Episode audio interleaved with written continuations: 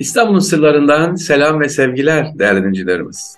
Bugün de inşallah bitireceğiz. Mimar Sinan'ımızı anlatmaya devam edeceğiz. Onun özelliği en son demiştim ki sevgiliciler Mimar Sinan onu farklı kılan özelliği nedir? Yani 80 küsür yaşında 90'a yakın bir insanın e, bu kadar heyecanı nereden geliyor dediğimiz zaman merhum hocamız demişti meraklı olması. İşte bizler de İstanbul'u gezerken bu merakla gezelim bu merak. Allah diyelim Rabbim heyecanımızı artırsın.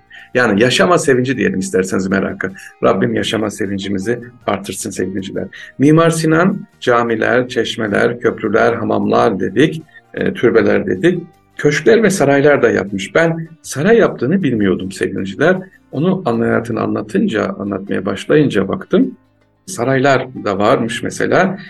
40 e, kadar köşk yapmış. Evet ve saray yapmış sevgiliciler. Maalesef niye peki günümüz elimizde yok? Çünkü sarayların çoğu ahşap olduğundan yanmış ve yıkılmış. Bugüne kalan kalabilen en özgün örnek Topkapı Sarayı'ndaki 3. Murat Köşkü sevgiliciler. Evet Mimar Sinan'ın yaptığı köşklerden, saraylardan elimizde sadece Topkapı Sarayı'nda bulunan e, neyi var? 3. Murat'ın köşkü var. E, peki başka Mimar Sinan'ı bugün hep anlattım ama daha önce de anlattığım için tekrar edelim. Mimar Sinan'ın kendi eseri var mı? Kendi adına yaptırdı. Daha önce de söylemiştim. İstanbul'da mimarlar, Mimar Sinan'dan sonraki mimarlar bir eser ile başlanacağı zaman ya da üniversiteden mezun olan mimarlar bugün Hırkay Şerif Caddesi üzerinde bulunan Sinan Mescidi'ne gelirler. Orada iki rekat namaz kılıp dua ederler, Bismillah derler. E, pirlerinden, Mimar Sinan'dan bir enerji alarak eserlerine başlarlar. Evet Mimar Sinan'ın kendi adına yaptırdığı cami şu anda ayakta ama neyi sadece e, şerefesi ayakta, orijinal yani. Orijinalliği nedir şerefesinin sevgili minaresinin özür dilerim şerefe e, nedir? Bütün şerefelerde, minarelerde müezzin şerefeye çık, çıkar. Çıkmak zorunda ki ezan okusun, dinlensin. Peki Mimar Sinan'ın bu kendi adına yaptırdığı Sinan Mescidi'nde sevgili Hırkay Şerif Caddesi üzerindeki Fatih'te Müezzinin şerefiye çıkmasına gerek yok. Zaten şerefe var ama çıkılacak yeri yok. Aşağıdan okuyor. Minareyi açıyor kapısını aşağıdan ezan okuyor. Yukarıdan ne yapıyor? Çevreye dağıtıyor. O kadar güzel akustik bir e, minare yapmış Mimar Sinan. E, dediğim gibi benim de komşumdur. E, sık sık giderim. O çeşmesi var, güzel. Hala kendi adına yaptırdığı yer duruyor. Peki Sinan deyince aklımıza gelen nedir? Süleymaniye Camisi tabii temsilciler. Mimar Sinan Süleymaniye'de kemerli böyle yan sahne, kemerli rahat geçişlerle ne yapıyor? Güzel bir estetik, özellikle akustik için içerisinde yarım kubbelerle e, işte fil ayakları dediğimiz ama bulunan o dört tane sütun var ya Mısır'dan getirilen, Baalbek'ten getirilen, Marmara Adası'ndan getirilen dört sütun onları yerleştiriyor sevgiliciler. İçeriye ne yapıyor? Bir farklı e, estetik katıyor. Hatta anlatılır Mimar Sinan'ın Süleymaniye'sine baktığımız zaman sevgiliciler Süleymaniye'de o vitraylara baktığımız zaman o vitraylar ışıltıları böyle lambayı özellikle sabah namazı sonra giderseniz içeriye e, farklı bir aydınlık veriyor. Farklı bir güzellik veriyor. Vitraylarda ışıklı renklerin dağılımı kaynaklar ne diyor? Cebrail aleyhisselamın kanadı gibi güzelliği sevgiliciler. Mimar Sinan'ın farklı Süleymaniye'de uslup kullanmış. Yine kullandığı içerideki eserler İS odası değil mi? Herkesin hayran bıraktı. Ya o kadar yüzlerce değil belki 200'den fazla mumlar var. Hatta 900'e varan mumlar var. Bu mumları Mimar Sinan nasıl olmuş da içeriği kapatmıyor, akı, simsiyah yapmıyor. Ee, öyle bir akış, rüzgar akışını kullanıyor ve İS odasına yönlendiriyor. Ve bunlarla da bitmiyor sevgiliciler. Bu da tabii, ya bu da mı Mimar Sinan ilgilendiriyor? Evet. E, Mimar Sinan ne yapıyor? O isler biriktiriyor. Nasıl birikiyor? İS odasında. Sonra bunları alıyor belli bir dönemde. E, Suriye alaylarının, develerinin çanların içerisine konuyor sevgiliciler. Önde giden bu develerin 3 ayda gidiyor, geri geliyor 6 aylık bir süre içerisinde. O çanların içerisine konan is mürekkep olarak geliyor ve hat eserleri, değerli, güzel yazılar ortaya ne yapmış oluyor, çıkıyor. Mimar Sinan'ı anlatmaya dilim yetmez, benim haddim değil ama gördüklerimi sizlere sevgiliciler bu 3-4 gün içerisinde anlatmaya çalıştım. E, sadece Süleymaniye değil, Selimiye'deki uslubu da çok önemli. Kullandığı e, üsluplar önemli, mimari üsluplar. Ama ben hep şunu yıllardır söylüyorum. İlk Mimar Sinan'la tanıştığım zaman sevgiliciler, tanıştım derken gidip tokalaştım yaptım. İstanbul'a geldiğimde 10 yaşında tanıdığım zaman Süleymaniye Camii'nde bir farklılık. Nedir orada? İnsanın uzlet halini görüyorsunuz Süleymaniye'de. Uzlet. Rabbisiyle beraber oturmuş.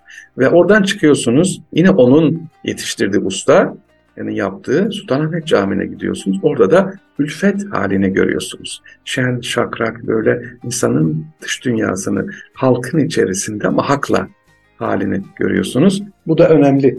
İşte insanların hem uzlet halinde hem ülfet halinde yani halkın içerisinde hakla birlikte olması.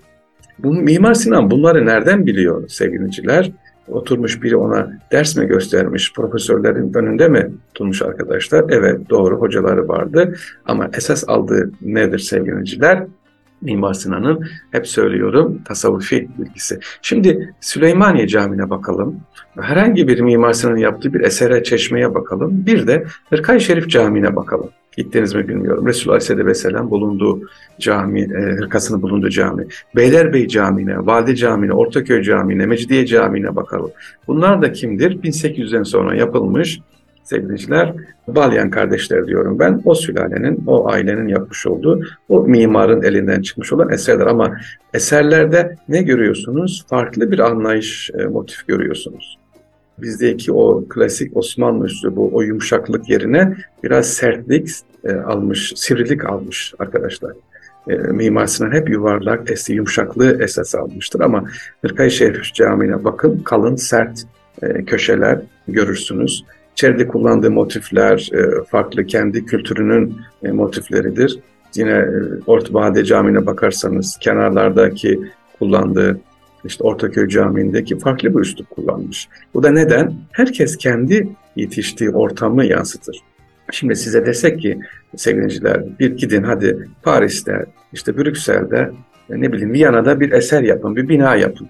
Bir apartman yap beş katlı. Neye göre yaparsınız? Mimar sizsiniz, ustalarınız sizden çalışıyorlar. Oraya bir gül korsunuz, bir sümbül korsunuz, bir lale korsunuz. Yani kendinizden bir eser ister istemez korsunuz. Bir estetik korsunuz. Ya yaptıran işte Alman, Fransız bir böyle istemiş. İstediği kadar böyle desin arkadaşlar. Elinizde değildir. Çizerken, yaptırırken ustalar, siz oraya kendinizden bir şey katarsınız. Bir imza atarsınız arkadaşlar. İşte onun için hep eleştiriliyor. Neden böyle yapıldı 120 sene aynı sülale? E çünkü suçlamıyoruz. Kendi gördüğü kültürü tabii ki mim eserinde yansıtacak.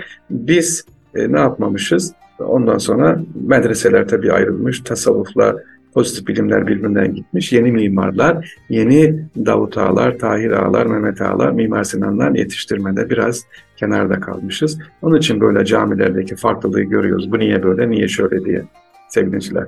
Evet, e, burada hemen yeri gelmişken soralım İstanbul'da farklı mimari cami görmek istiyorsak nasıl gidelim? Böyle aralarında yüzlerce derece fark var. Ee, mesela batı tarzında yapılmış olan böyle neredeyse tamamen barok tarzı dediğimiz Nur Osmaniye Camii. Nur Osmaniye Camii'ne gidip görelim. Laleli Camii'ni sevgili dinciler gidip görelim. Baktığımız zaman orada görebiliriz. Fatih Camii'nin son mesela yıkılıyor Fatih Camii depremde yıkıldığı için e, içerisindeki içi baktığımız zaman yine batı tarzı yavaş yavaş görüyoruz. Ee, en güzel üç mimari böyle bir arada yaş yaşatan Pertemniyel Vadi Sultan Camii var. Böyle farklı mimari görmek isterseniz sevgiliciler. Yine Hırkay Şerif Camii e, ve Ortaköy camileri e, böyle mimari açıdan yavaş yavaş e, Bursa mimarisi, işte Acem mimarisi, İstanbul mimarisi ve yavaş yavaş Batı mimarisi görüyoruz. Mimari şekilde camilerde ya da eserlerdeki kullanılan çizgilerde ne yapıyor? Çin'e giden gezenleri de fark ettiriyor, etkiliyor. Bu dediğim gibi insanın yetişme tarzıdır. Daha doğrusu büyüklerimiz hep ne der? Testi içinde ne varsa onu sızdırırız. Pekmezse pekmez, sirke ise sirke, balsa bal sevgiliciler.